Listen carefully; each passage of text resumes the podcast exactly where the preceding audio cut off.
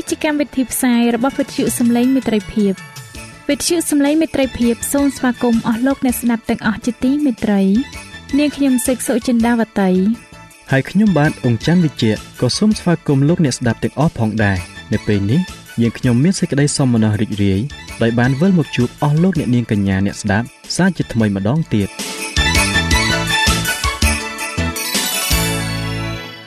នាងខ្ញុំសេកសុចិន្តាវតី សូមជម្រាបជូនកម្មវិធីផ្សាយ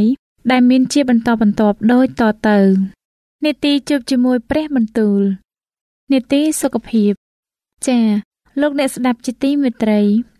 នាងខ្ញុំសូមគោរពអញ្ជើញអស់លោកលោកស្រីអ្នកនាងកញ្ញាតាមដានស្ដាប់កម្មវិធីផ្សាយរបស់វិទ្យុយើងខ្ញុំដូចតទៅ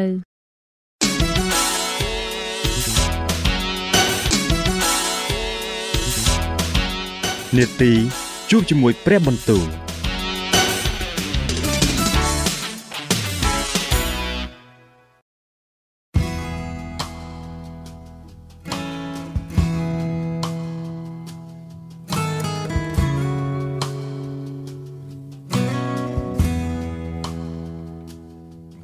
ចាអស់លោកអ្នកស្ដាប់ជាទីមេត្រី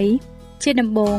នាងខ្ញុំសូមអញ្ជើញលោកអ្នកនាងស្ដាប់នាទីជួបជាមួយព្រះបន្ទូលនាទីនេះ នឹងលើកយកព្រះបន្ទូលពីព្រះគម្ពីរនេហេមៀដែលនឹងជម្រាបជូនដល់លោកអង្គច័ន្ទវិជ្ជៈដូចតទៅ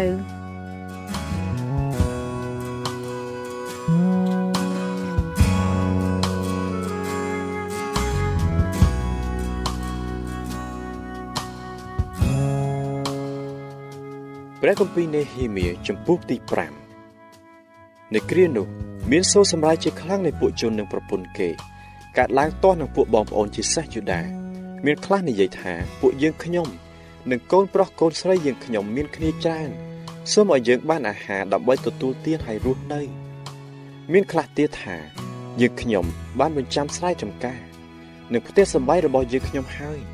សូមឲ្យយើងខ្ញុំបានអាហារទទួលទាននៅគ្រាអំណត់នេះផង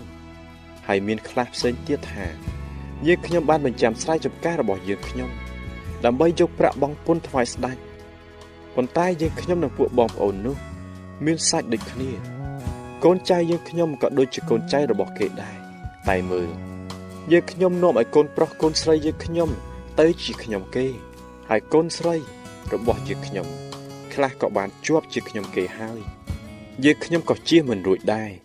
ត្បិតអ្នកឯទៀតបានស្រែចម្ការរបស់យើងខ្ញុំទៅហើយកាលខ្ញុំបានលើសម្ដែងរបស់គេនឹងពាក្យទាំងនោះហើយនោះខ្ញុំក៏មានចិត្តឈឺចាប់ជាខ្លាំង ខ្ញុំក៏ពិចារណាក្នុងខ្លួនរួចបន្ទោសដល់ពួកអ្នកធំ និងពួកមេទាំងប្រមាណដោយពាក្យថា អ្នករាល់គ្នាតែងតែយកការគឺគ្រប់គ្នាយកពីពួកបងប្អូនផងខ្ញុំក៏ប្រជុំជំនុំយ៉ាងធំទាស់នឹងគេរួចខ្ញុំនិយាយទៅគេថា តាមកម្លាំងរបស់យើងរាល់គ្នានោះយើងបានលួចបងប្អូនជាសាសយូដាដែលត្រូវលួចដល់សាសដតីឲ្យរួចមកវិញចុះតែអ្នករាល់គ្នា ចង់លួចបងប្អូនខ្លួនទៀតឬអី ដែលនឹងលក់គេក្នុងពួកគ្នាយើង នោះតែគូក៏បីដែរឬដូច្នេះគេក៏ស្ងៀមនៅរកឆ្លើយមិនបានខ្ញុំក៏និយាយថាការដែលអ្នករាល់គ្នាធ្វើនេះមិនល្អទេគួរក៏បីឲ្យអ្នករាល់គ្នាបានប្រព្រឹត្តដោយសេចក្តីកោតខ្លាចដល់ព្រះនៃយើងរាល់គ្នាវិញទៅតើគឺដោយព្រោះសេចក្តីថ្មេះតេះដៀលនៃពួកសាសដតីជាខ្មាំងសត្រូវយើង ចំណែកខ្ញុំ ពួកបងប្អូន និងពួកអ្នកបម្រើខ្ញុំ ក៏អាចនឹងឲ្យគេខ្ចីប្រាក់និងស្រូវឲ្យបានការដូចគ្នាបានដែរដូច្នេះខ្ញុំសូមឲ្យអ្នករាល់គ្នាលែងយកការទៅសូមប្រគល់ស្រែចម្ការដំណាំនិងផ្ទះគេទៅវិញទៅ នៅថ្ងៃនេះឯងព្រមទាំងមួយភាគក្នុង100នៃប្រាក់ស្រូវទឹកទំពាំងបាយជូរនិងប្រេងដែលអ្នករាល់គ្នាបានយកការពីគេផងនោះគេឆ្លើយថាបើខ្ញុំនឹងប្រគល់ទៅវិញ ហើយនឹងលែងយកការពីគេតរៀងទៅ យើងខ្ញុំនឹងធ្វើដូចជាលោកមានប្រសាសន៍រួចខ្ញុំហៅពួកសង្ឃមកចាំឲ្យអ្នកទាំងនោះស្បត់ថានឹងធ្វើតាមពាក្យសន្យានោះខ្ញុំក៏រលាស់ថ្នាក់អាវខ្ញុំពោលថាបើអ្នកណាមិនប្រព្រឹត្តតាមពាក្យសន្យានេះនោះសូមឲ្យព្រះរលាស់អ្នកនោះចេញពីផ្ទះនិងពីការរបស់ខ្លួនយ៉ាងនេះដែរសូមតែឲ្យគេត្រូវរលាស់ចេញចុះហើយចោលនៅទទេផងពួកជំនុំទាំងអស់គ្នាក៏ឆ្លើយឡើងថា អាមែនហើយគេសរសើរដល់ព្រះយេហូវ៉ារួចក៏ធ្វើតាមពាក្យសន្យានោះរីឯចាប់តាំងពីថ្ងៃដែលស្ដេចបានតាំងខ្ញុំឡើងធ្វើជាចៅហ្វាយនៅលើគេនៅស្រុកយូដាគឺឆ្នាំទី20រហូតដល់ឆ្នាំ32ក្នុងរាជស្ដេចអេថាសិកសេសរួមជា12ឆ្នាំនោះខ្ញុំនិងបងប្អូនខ្ញុំមិនបានទទួលទានភោជនាអាហារដោយអាងបនជាចៅហ្វាយនោះទេឯពួកចៅហ្វាយដែលនៅមុនខ្ញុំនោះបាននៅដោយសារពួករា គេបានទាយកអាហារនិងសារតំពាំងបាយជូររបស់ខ្លួនពីរាព្រមទាំងប្រាក់40រៀលផងអើសម្បីតែពួកអ្នកបម្រើរបស់គេក៏មានអំណាចលើបណ្ដាជនដែរតែខ្ញុំមិនបានធ្វើដូច្នោះទេដោយមានសេចក្តីកោតខ្លាចដល់ព្រះវិញប្រការមួយទៀតខ្ញុំបាននៅជួបនឹងការសង់កំហែងនេះឡើងដែរយើងរាល់គ្នាមិនបានទាំងទិញដីឯណាផងហើយពួកបម្រើរបស់ខ្ញុំបានមូលមក ជួយធ្វើការនេះដែរ ហើយនេះទៀតមានពួកយូដានិងពួកនីតម្រួត150នាក់បរិភោគអាហារនៅតុខ្ញុំផងឥតរាប់ពួកអ្នកដែលមកឲ្យយើងរកគ្នាពីពួកសាសដតីនៅជុំវិញឡើយឬឯភោជនាហារដែលត្រូវរៀបក្នុងមួយថ្ងៃនោះគឺគោមួយនិងជៀមសម្រាំង6ព្រមទាំងសត្វបក្សីដែលគេរៀបឲ្យខ្ញុំដែរហើយក្នុង10ថ្ងៃនោះគេយកស្រាទំពាំងបាយជូរគ្រប់យ៉ាងមកមួយដងប៉ុន្តែទុកជាច្រើនដល់ម្ល៉េះ គង់តែខ្ញុំមិនបានអាងបនជាចវាយនិងទាភោជនាហារដែរពីព្រោះពួកបណ្ដាជនមានបន្ទុកធ្ងន់ណាស់ទៅហើយអោព្រះនិទូបង្គំអើយសូមទ្រង់នឹករលឹកដោយចម្រើនព្រះគុណដល់ទូបង្គំផងដោយព្រោះគ្រប់ទាំងសេចក្តី ដែលទូបង្គំបានអនុគ្រោះដល់បណ្ដាជននេះព្រះគម្ពីរនេហេមៀជំពូកទី6លុះកាលដំណឹងបានលើទៅដល់សានបាឡាត និងថូប៊ីយ៉ាព្រមទាំងកេសែមជាសាអារ៉ាប់និងពួកខ្មាំងស្ត្រីយើងឲ្យទៀតថាខ្ញុំបានធ្វើកំហែងរួចជាស្រេចឥតមានទីបាក់បែកណានៅសល់ទៀតឡើយទោះបើគ្រានោះមិនទាន់បានដាក់ផ្ទាំងសន្លឹកទ្វារឡើងក្នុងអស់ទាំងទ្វារនៅឡើយក៏ដោយនោះសានបាឡាត និងកេសែមចាត់គេមកឲ្យខ្ញុំនិយាយថាអញ្ជើញមកយើងនឹងពិគ្រោះគ្នា នៅភូមិណាមួយក្នុងច្រកភ្នំអូណូ គឺគេគិតប្រទោសដល់ខ្ញុំទេ តែខ្ញុំចាត់មនុស្សឲ្យទៅប្រាប់គេវិញថាខ្ញុំកំពុងតែធ្វើការមួយយ៉ាងធំខ្ញុំនឹងចោះមកមិនបាននឹងឲ្យខ្ញុំលះចោលការនេះឲ្យឈប់នៅដើម្បីនឹងចោះទៅឲ្យអ្នកធ្វើអីគេក៏ចាត់មនុស្សមកនិយាយនឹងខ្ញុំយ៉ាងនោះអស់វារៈ4ដងហើយខ្ញុំក៏ឆ្លើយពាក្យដដែលដល់គេរួចមកសានបាឡាតចាត់អ្នកបម្រើម្នាក់មកឯខ្ញុំតាមបែបដដែលនោះជាគម្រប់5ដង មានទាំងសម្បត្តិបើចំហនៅដៃផង ក្នុងសម្បត្តិនោះ មានសេចក្តីថា មានលឺដំណឹងនៅគ្រប់ទាំងសាសហើយលោកគេសែមជាសាកសីថា អ្នកហើយនឹងពួកយូដាគិតបះបោបានជាសងកំហែងនេះឡើងគឺថា អ្នកចង់ធ្វើជាស្ដេចគេ តាមដែលលឺនិយាយនោះអ្នកក៏បានតម្រូវឲ្យមានពួកហោរាប្រកាសប្រាប់ពីអ្នកនៅក្រុងយេរូសាឡឹមថា មានស្ដេចក្រុងរាជនៅស្រុកយូដាហើយ ពាក្យយ៉ាងនោះ យើងនឹងបញ្ជូនដល់ស្ដេចឥឡូវដូច្នេះចូលមកឲ្យយើង បានពិគ្រោះគ្នាសិនខ្ញុំតបទៅថាគ្មានអ្វីដូចជាអ្នកថានោះទេ គឺអ្នកបង្កើតរឿងនេះតាមតែចិត្តអ្នកវិញប៉ុណ្ណោះពួកអ្នកទាំងនោះចង់តែគំរាមឲ្យយើងភ័យខ្លាចដោយគិតថាយើងនឹងថយកម្លាំងដៃឲ្យសម្រេចការមិនបានឥឡូវនេះអោព្រះអង្គអើយសូមចម្រើនកម្លាំងដៃទូបង្គំវិញគ្រានោះខ្ញុំបានទៅឯផ្ទះរបស់សេម៉ាយ៉ាកូនដេឡាយ៉ា ដែលជាកូនមហេថាបែលគាត់កំពុងបំពួនខ្លួនគាត់និយាយឡើងថាសូមយើងទៅជួបគ្នានៅក្នុងព្រះវិហារនៃព្រះគឺក្នុងទីបរិសុទ្ធហើយបិទទ្វារផ្ចិតទៅត្បិតគេនឹងមកសម្លាប់លោកគឺគេនឹងមកនៅពេលជប់ជាមិនខានដើម្បីនឹងសម្លាប់លោកបងតែខ្ញុំឆ្លើយថាគួរក៏បីឲ្យមនុស្សបែបយ៉ាងខ្ញុំរត់ឬអីតើមានអ្នកណាមួយដូចខ្ញុំដែលនឹងចូលទៅក្នុងព្រះវិហារឲ្យតែរួចជីវិតនោះខ្ញុំមិនព្រមចូលទៅទេ ខ្ញុំក៏ពិចារណាយល់ឃើញថាមិនមែនជាព្រះដែលបង្គាប់ដល់គាត់ដូច្នោះទេ គឺគាត់បានទីទំនាញនេះទាស់នឹងខ្ញុំវិញហើយគឺថូប៊ីយ៉ានិងសែនបាឡាតបានជួលគាត់ផង គេបានជួលគាត់ប្រាថ្នាចង់គំរាមឲ្យខ្ញុំភ័យដើម្បីឲ្យខ្ញុំបានធ្វើតាម ហើយមានបាបដូច្នោះប្រយោជន៍ឲ្យគេបានរឿងនឹងមកខូចឈ្មោះខ្ញុំហើយថ្មេះទេដៀដល់ខ្ញុំអោព្រះនៃទូបង្គំអើយ សូមទ្រង់នឹកចាំពីថូប៊ីយ៉ានិងសានម៉ាឡាតតាមការដែលគេធ្វើទាំងនេះ ហើយពីនាងណូអាឌាជាហោរានិងពួកហោរាឯទៀតតែចង់ឲ្យទូបង្គំកើតមានសេចក្តីភ័យខ្លាចផងដូច្នេះនៅថ្ងៃទី25ខែផុតបុត្រនោះកំផែងបានធ្វើរួចជាស្រេចគឺក្នុងរវាង52ថ្ងៃ កាលពួកខ្មាំងសត្រូវរបស់យើងទាំងប៉ុន្មានបានលឺនោះសះដតីទាំងប៉ុន្មានដែលនៅជុំវិញយើងក៏ភ័យខ្លាច ហើយគេក៏ទ្រាំចោះជាខ្លាំងនៅភ្នែកខ្លួនគេ ដោយយល់ឃើញថាការនោះកើតឡើងអំពីព្រះនៃយើងទេ ក្នុងរវាងនោះពួកអ្នកធំក្នុងសាសយូដាគេក៏ធ្វើសម្បត្តិជាច្រើនច្បាប់ទៅថូប៊ីយ៉ាហើយមានសម្បត្តិរបស់ថូប៊ីយ៉ាមកដល់គេវិញដែរបាត់មានមនុស្សជាច្រើននៅស្រុកយូដាបានស្បន់នឹងគេដោយព្រោះគាត់ជាកូនប្រសាររបស់សេកានីជាកូនអេរ៉ាសមួយទៀតយូហាណាន ជាកូនប្រុសរបស់គាត់បានយកកូនស្រីរបស់បស៊ូឡាម ជាកូនបេរីគាធ្វើជាប្រពន្ធគេក៏និយាយពីការល្អរបស់គាត់នៅចំពោះមុខខ្ញុំហើយក៏នាំយកពាក្យខ្ញុំទៅប្រាប់គាត់ដែរគឺថូបេយ៉ានេះហើយដែលផ្ញើសម្បត្តិមកគម្រាមឲ្យខ្ញុំភ័យ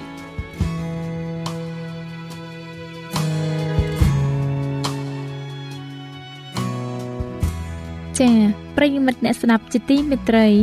ដោយពេលវេលាមានកំណត់ យើងខ្ញុំសូមផ្អាកនេតិជួបជាមួយព្រះបន្ទូលនេះត្រឹមតែប៉ុណ្ណេះសិនចុះដោយសន្យាថា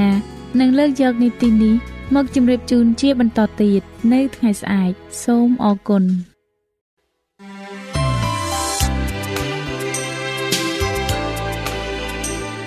វិទ្យុសំឡេងមេត្រីភាព AWR នាំមកជូនលោកអ្នកនៅសារនៃសេចក្តីស្រឡាញ់ពីព្រះអង្គម្ចាស់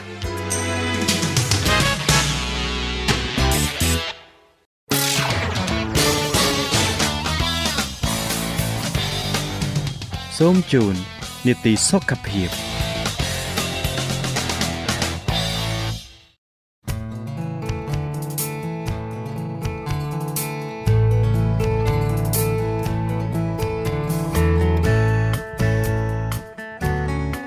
ា៎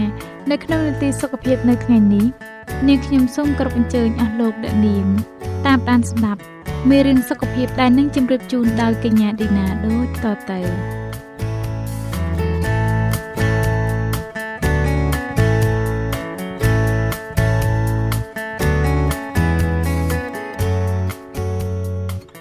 ចា៎នេះខ្ញុំសូមជម្រាបសួរអស់លោកអ្នកស្ដាប់ជាទីមេត្រីសូមឲ្យលោកអ្នកបានប្រកបដោយប្រគុណនិងសេចក្តីសុខសាន្តអំពីព្រះដូចជាព្រះវរបិតានៃយើងហើយអំពីព្រះអម្ចាស់យេស៊ូវគ្រីស្ទនេះខ្ញុំមានអំណរណាស់ដែលបានវិលមកជួបលោកអ្នកសាជាថ្មីនៅក្នុងនាទីសុខភាពនេះម្ដងទៀតហើយថ្ងៃនេះនាងខ្ញុំសូមលើកយកមេរៀនថ្មីមួយទៀតដែលមានចំណងជើងថាចំណីអាហារ កាលពីមេរៀនសុខភាពកាលពីលើកមុនលោកអ្នកក៏បានស្ដាប់រួចខ្លះមកដែរហើយអំពីចំណីអាហារតែមេរៀននេះនឹងបន្ថែមព័ត៌មានល្អៗស្ដីពីចំណីអាហារនេះថែមទៀតចាយើងគ្រាន់តែយល់ថារាល់ចំណីអាហារដែលយើងពិសាចូលទៅមិនសុទ្ធតែនាំមកនូវសុខភាពល្អទាំងអស់នោះទេចំណីអាហារខ្លះនាំឲ្យមានសុខភាពល្អហើយចំណីអាហារខ្លះទៀតនាំឲ្យមានជំងឺ ចាដូច្នេះនេះខ្ញុំសូមគោរពអញ្ជើញលោកអ្នកតាមដានស្ដាប់មេរៀនសុខភាពរបស់យើងខ្ញុំបាននិយាយពីចំណីអាហារនេះដូចតទៅចានៅខែមិថុនាឆ្នាំ2011ក្រសួងកសិកម្មសហរដ្ឋអាមេរិកបានផ្ដួចផ្ដើមកម្មវិធីសុខភាពថ្មីមួយដែលមានឈ្មោះថាចានរបស់ខ្ញុំនៅគ្រាមួយដែលមានក្មេងៗជាង1ភាគ3និងមនុស្សចាស់ជាង2ភាគ3នៅក្នុងសហរដ្ឋអាមេរិកធាត់លើសទម្ងន់នោះកម្មវិធីថ្មីនេះផ្ដោតសំខាន់ទៅលើ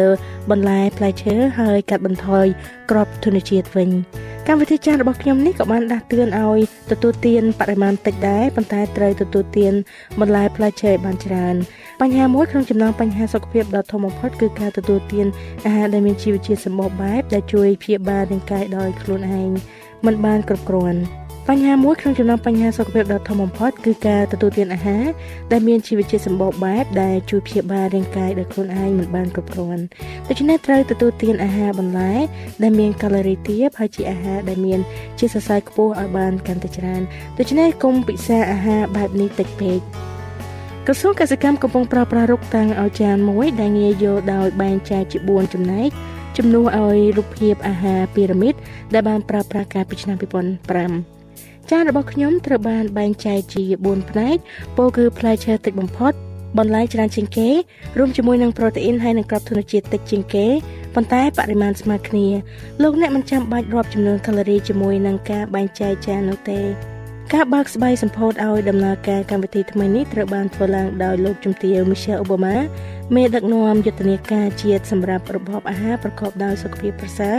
និងការហាត់ប្រាណផ្នែករាងកាយឲ្យបានច្រើនមានឈ្មោះថា តោះធ្វើចលនាទាំងអស់គ្នា នៅក្បែរលោកស្រី គឺជាអគ្គនាយកផ្នែកវះកាត់ហើយនិងលេខាក្រសួងកសិកម្មនៃសហរដ្ឋអាមេរិក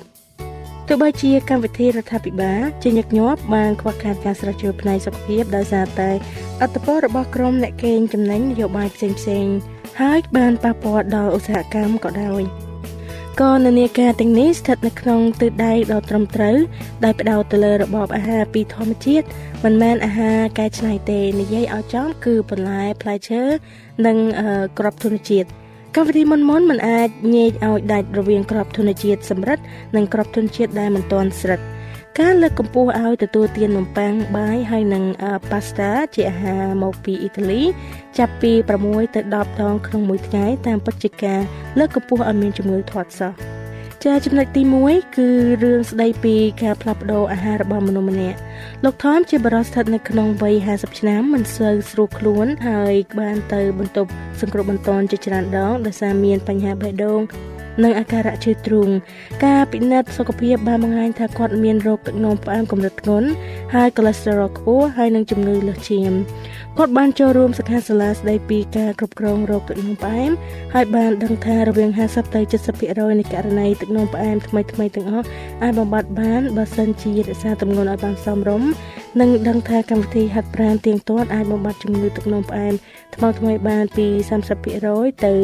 50% ឬអាចនិយាយម្យ៉ាងទៀតបានថាប្រមាណជា90%នៃករណីជំងឺទឹកនោមផ្អែមថ្មីថ្មីទាំងអស់អាចការពារបានថមបានអនុវត្តតាមការផ្ដល់យោបល់ផ្នែកជីវជាតិអាហារយ៉ាងយកចិត្តទុកដាក់ដោយការទទួលទានអាហារមិនទាន់កែច្នៃនិងបន្លែបានច្រើនព្រមទាំងបរិភោគអាហារពេលល្ងាចតិចរបៀបរបបទាំងនោះคล้ายទៅជាទម្លាប់សម្រាប់គាត់ហើយសម្រាប់ទម្ងន់របស់គាត់បានពី139គីឡូមកនៅត្រឹមតែ97គីឡូកន្លះ ថមបានដើរក្នុងមួយថ្ងៃចំនួន45នាទីមិនថាមេឃភ្លៀងឬពន្លឺថ្ងៃចែងចាំងទេឥឡូវនេះរូបរាង2ម៉ែត្ររបស់គាត់មានអារម្មណ៍ថាប្រសើរណាស់គាត់លែងមានលើសជាតិខ្លាញ់ក្នុងខ្លួនហើយជាតិស្ករគ្រុងឈាមក៏មានសភាពធម្មតាដែរមាត់របស់គាត់លន់មាត់សរសើរថាថមថមឯងឥឡូវសង្ហាម្លេះមើលទៅដូចជាក្មេងជាងវ័យ10ឆ្នាំអញ្ចឹង ឥឡូវនេះថមមិនត្រូវការថ្នាំសង្កូវទៀតទេដោយជាតិស្ករនៅក្នុងឈាមកូលេស្តេរ៉ុលនិងសម្ពាធឈាមមានកម្រិតល្អបំផុតគាត់មិនគ្រាន់តែអព្យាបាលខ្លួនរបស់គាត់ឲ្យជាពីជំងឺទាំងនោះទេប៉ុន្តែឥឡូវនេះគាត់មានសុខភាពល្អប្រសើរជាងបរិបរភាគច្រើនដែលមានអាយុតិចជាងគាត់30ឆ្នាំទៀតផងការរស់នៅប្រកបដោយតុល្យភាពការគិតបែបវិជ្ជមាន និងជីវិតដែលមានសុខភាពល្អគឺអាស្រ័យទៅលើជំរឿនរបស់បុគ្គលម្នាក់ៗទាំងស្រុង យើងត្រូវទទួលទានអាហាររបស់យើងតាមការកំណត់ហើយធានាឲ្យបានថាយើងរក្សាទម្ងន់ដែលមានសុខភាពល្អប៉ុន្តែការចាប់អារម្មណ៍ចំពោះតែទម្ងន់មិនទាន់គ្រប់គ្រាន់ទេមនុស្សខ្លះអាចរក្សារាងឲ្យបាននៅស្អាតល្អបើទោះបីជាគេទទួលទានអាហារដែលមានជីវជាតិតិចតួចស្ដួចស្ដើងក្តីដែលខ្វះទាំងសារធាតុចិញ្ចឹមរាងកាយសំខាន់សំខាន់ជាច្រើនមុខហើយមានទាំងប្រភេទខ្លាញ់ស្ករនិងអាហារកញ្ចប់ឆ្អិនស្រាប់តែមិនល្អទៀតផង ខណៈពេលដែលពួកគេមិនទាន់លើសទម្ងន់ឬមើលទៅមិនទាន់ឈឺនៅឡើយជំរឿអាក្រក់ៗទាំងនេះអាចចូលជាចំណាយបណ្ដាឲ្យមានជំងឺក្នុងជីវិតនៅពេលខាងមុខការផ្លាស់ប្ដូរក្នុងជីវិតរបស់យើងកើតឡើងបាននៅពេលដែលយើងទទួលខុសត្រូវចំពោះជំរឿរបស់យើងម្នាក់ម្នាក់ដោយខ្លួនឯងពោលគឺយើងធ្វើជាម្ចាស់នៃសុខភាពនិងអនាគតរបស់យើងចំណុចទី2ការស្រាវជ្រាវរបស់ជនជាតិចិនចាសប្តាហ៍ថ្ងៃនេះមានការស្រាវជ្រាវយ៉ាងច្រើនបរិបូរណ៍ទៅលើជីវជាតិអាហារការស្រាវជ្រាវដ៏ពិសិដ្ឋខ្លះគឺការសិក្សាទៅលើជនជាតិចិនដែលកាសែត New York Times ឲ្យឈ្មោះថាការស្រាវជ្រាវដ៏ធំទូលំទូលាយបំផុតដែលមិនធ្លាប់មានទៅលើទំនាក់ទំនងរវាងរបបអាហារនិងការប្រឈមមុខទៅនឹងការកកើតជំងឺការទប់ស្កាត់ជំងឺរាតត្បាតដ៏ឆាប់រហ័សបំផុត ការស្រាវជ្រាវទៅលើជនជាតិចិនត្រូវបានធ្វើឡើងដោយសាកលវិទ្យាល័យ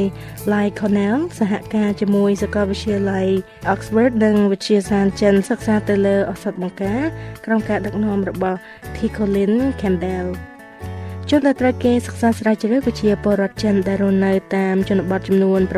6500នាក់ដែលមានការរស់នៅតាមសភាពដដែលកន្លែងដដែលជាមួយនឹងរបបអាហារដដែលអស់មួយជីវិតរបស់ពួកគេ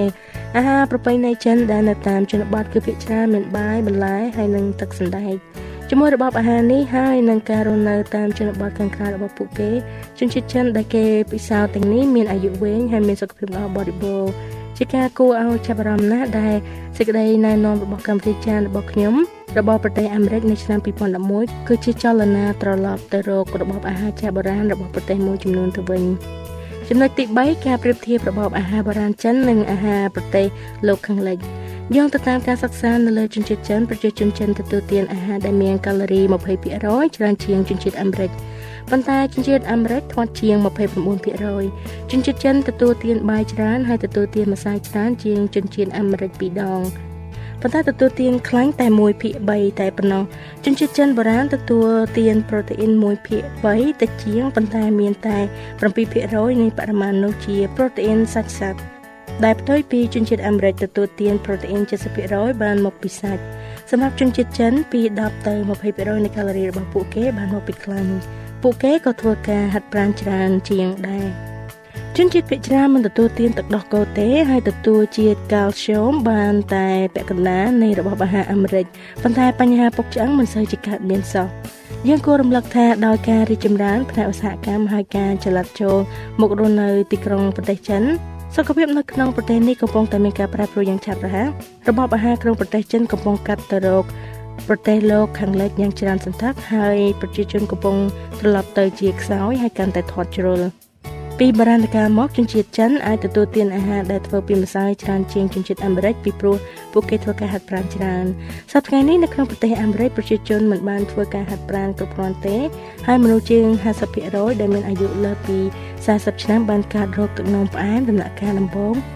ការព្យាបាលដ៏មានប្រសិទ្ធភាពសម្រាប់បញ្ហានេះ គឺតម្រូវឲ្យលុបបំបាត់អាហារជាតិម្សៅសម្រិតឲ្យបានច្រើនហើយទទួលទានអាហារម្សៅដែលមិនទាន់សម្រិតវិញហើយពិតណាស់ត្រូវធ្វើការហាត់ប្រាណឲ្យបានច្រើនការសិក្សាទៅលើជនជាតិចិនបានរកឃើញថាក្មេងស្រីជំទង់ចិនវិញវ័យបន្តពូជបានពី3ទៅ6ឆ្នាំក្រោយ ក្មេងស្រីអាមេរិកការពេញវ័យបន្តពូជឆាប់ពេកនាំមកនៅបញ្ហាសុខភាពនិងបញ្ហាសង្គមផ្សេងផ្សេងក្មេងស្រីជំទង់ជំទង់អាចធ្លាក់ចូលទៅក្នុងការរំភេតមុនអាយុដែលប្រឈមមុខជាមួយនឹងអរម៉ូនតកតងទៅនឹងចំណងផ្លូវភេទនៅពេលដែលផ្នែកអារម្មណ៍របស់ពួកគេមិនទាន់ត្រៀមខ្លួនរួចរាល់ហើយក៏ជាពេលដែលពួកគេគួរតែផ្ដោតអារម្មណ៍ទៅលើការសិក្សាមិនមែនទៅលើការមានគ្រួសារនោះទេមូលហេតុផ្សេងផ្សេងដែលនាំឲ្យពេញក្រមុំមុនអាយុរាប់បញ្ចូលទាំងការលើសជាតិប្រូតេអ៊ីនធាត់ជ្រុលដែលធ្វើឲ្យមានរំញោចអរម៉ូនហើយអាចរាប់បញ្ចូលទាំងអរម៉ូនសម្រាប់ឲ្យឆាប់លូតលាស់ដែលអ្នកចិញ្ចឹមសត្វដាក់ក្នុងចំណីឲ្យសត្វរបស់គេផងកត្តាប្រឈមនឹងគ្រោះថ្នាក់ដែលជាលទ្ធផលគឺជាការកើនឡើងនៃការប្រឈមមុខយ៉ាងខ្លាំងទៅនឹងជំងឺមហារីកសដន់ជំងឺបេះដូងនិងជំងឺគ្មានកូន ចំណុចទី4សុភវិនិច្ឆ័យក្នុងការទទួលទាន ក្នុងពិភពលោកដែលសម្បូរទៅដោយឯកសារស្រាវជ្រាវរាប់ពាន់ស្ដីពីជីវជាតិអាហារចិញ្ចឹមរាងកាយចូលស្វែងរកវិធីយល់ដឹងបែបងាយងាយហើយស្វែងរកមូលដ្ឋានគ្រឹះនៃជីវជាតិអាហារដែលបង្ហាញទៅកាន់ប្រជាជនចំនួនធំដើម្បីបង្កើនការរស់នៅឲ្យបានអាយុវែងហើយកាត់បន្ថយការប្រឈមមុខទៅនឹងជំងឺផ្សេងផ្សេងការអនុវត្តនៅវិធីសាស្ត្រនេះនិងការប្រើប្រាស់គោលការណ៍ទាំងនេះអាចឈានទៅរកអាហារដែលវិសេសបំផុតហើយកាត់បន្ថយនៅតម្លៃថែរក្សាសុខភាពថ្លៃក៏ពពក ចាលោកអ្នកជាមនុស្សថ្មីចូលស្រមៃគិតនៅរូបភាពដែលអ្នកចង់ខ្លាយទៅជាមនុស្សថ្មីម្នាក់តើលោកអ្នកមានរូបរាងយ៉ាងណាតើភ្នែកនៃកំណត់របស់លោកអ្នកអាចមើលឃើញរូបរាងសំសួនបោះជំហានលះលះឬទេបើសិនជាលោកអ្នកមានអាយុជ្រេតទៅហើយតើលោកអ្នកអាចលើមិត្តមិត្តគេសរសើរថាលោកអ្នកនៅក្មេងហើយមកមួនដែរទេតើលោកអ្នកឃើញបុគ្គលម្នាក់ដែលមានកម្លាំងមកមួនបម្រើព្រះនិងកំពុងជួយបំពេញសេចក្តីត្រូវការរបស់អ្នកដទៃឬទេ តើជំនាញសាមញ្ញសាមញ្ញអ្វីខ្លះដែលអ្នកធ្វើទៅបានលើរបបអាហារការហាត់ប្រាណនិងរបៀបរស់នៅរបស់លោកអ្នកដើម្បីឲ្យពិតជាអាចក្លាយទៅជាមនុស្សម្នាក់ដែលលោកអ្នកសុបិនចង់បានចាអរលោកអ្នកស្ដាប់ជាទីមេត្រីពេលនេះពេលវេលានៃនាទីសុខភាពរបស់យើងបានមកដល់ទីបញ្ចប់ហើយហើយនាងខ្ញុំនឹងវិលមកជួបអរលោកអ្នកសាជាថ្មីម្ដងទៀតនៅក្នុងនាទីរបស់យើងលើកក្រោយដោយពំនាំនៅភាគទី2នៃមេរៀនដដែលនេះមកជូនដល់លោកអ្នកជាបន្តទៀត ចាដូច្នេះសូមឲ្យព្រះជាម្ចាស់បានប្រទានពរដល់អស់លោកអ្នកបងប្អូនទាំងអស់គ្នាសម្រាប់ពេលនេះនាងខ្ញុំឌីណាសូមអរគុណសូមជម្រាបលា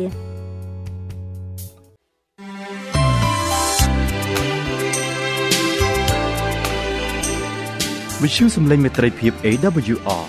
មានផ្សាយពីរដងក្នុងមួយថ្ងៃគឺព្រឹកនៅម៉ោង6និងពេលយប់នៅម៉ោង8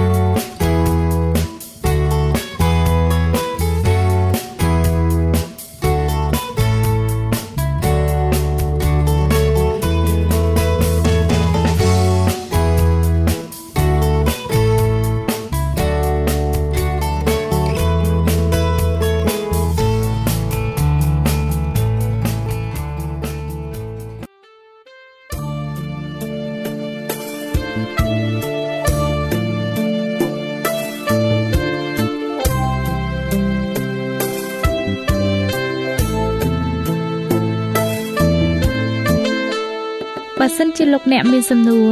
ឬសំណុំពរអ្វីសូមតាក់ទងមកការិយាល័យវិទ្យុយើងខ្ញុំ តាមអាស័យដ្ឋានផ្ទះលេខ15ផ្លូវលេខ568សង្កាត់បឹងកក់2ខណ្ឌទួលគោករាជធានីភ្នំពេញលោកអ្នកក៏អាចសរសេរសម្បត្តិផ្ញើមកយើងខ្ញុំ តាមរយៈប្រអប់សម្បត្តិលេខ488ភ្នំពេញឬតាមទូរស័ព្ទលេខ012 34 96 64ឬ097 80 81 060ឬក៏តាមរយៈអ៊ីមែល vol@awr.org យើងខ្ញុំរងចាំទទួលស្វាគមន៍អស់លោកអ្នកនាងដោយក្តីសោមនស្សរីករាយហើយលោកអ្នកក៏អាចស្ដាប់កម្មវិធីនេះឡើងវិញ ដោយចូលទៅកាន់ website របស់វិទ្យុយើងខ្ញុំតាមរយៈអាស័យដ្ឋាន www.awr.org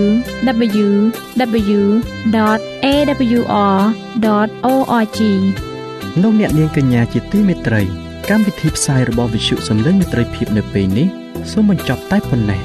យើងខ្ញុំសូមអរគុណចំពោះការតាមដានស្ដាប់របស់អស់លោកអ្នកតាំងពីដើមរហូតដល់ចប់យើងខ្ញុំសូមជូនពរឲ្យអស់លោកអ្នកនាងកញ្ញាទាំងអស់ បានចម្រើនឡើងក្នុងប្រគុណព្រះអង្គម្ចាស់ហើយក្នុងការទទួលយកព្រះយេស៊ូវគ្រីស្ទជាព្រះអង្គម្ចាស់និងជាព្រះអង្គសង្គ្រោះនៃយើងរាល់គ្នានាទីផ្សាយរបស់វិទ្យុយើងខ្ញុំនឹងវិលមកជួបអស់លោកអ្នកសាជាថ្មីម្ដងទៀតនៅថ្ងៃស្អែកវេលាម៉ោងដដែលនាងខ្ញុំសេកសុចិន្តាវតីនិងខ្ញុំបាទអ៊ំច័ន្ទវិជ្ជៈសូមអរគុណសូមជម្រាបលា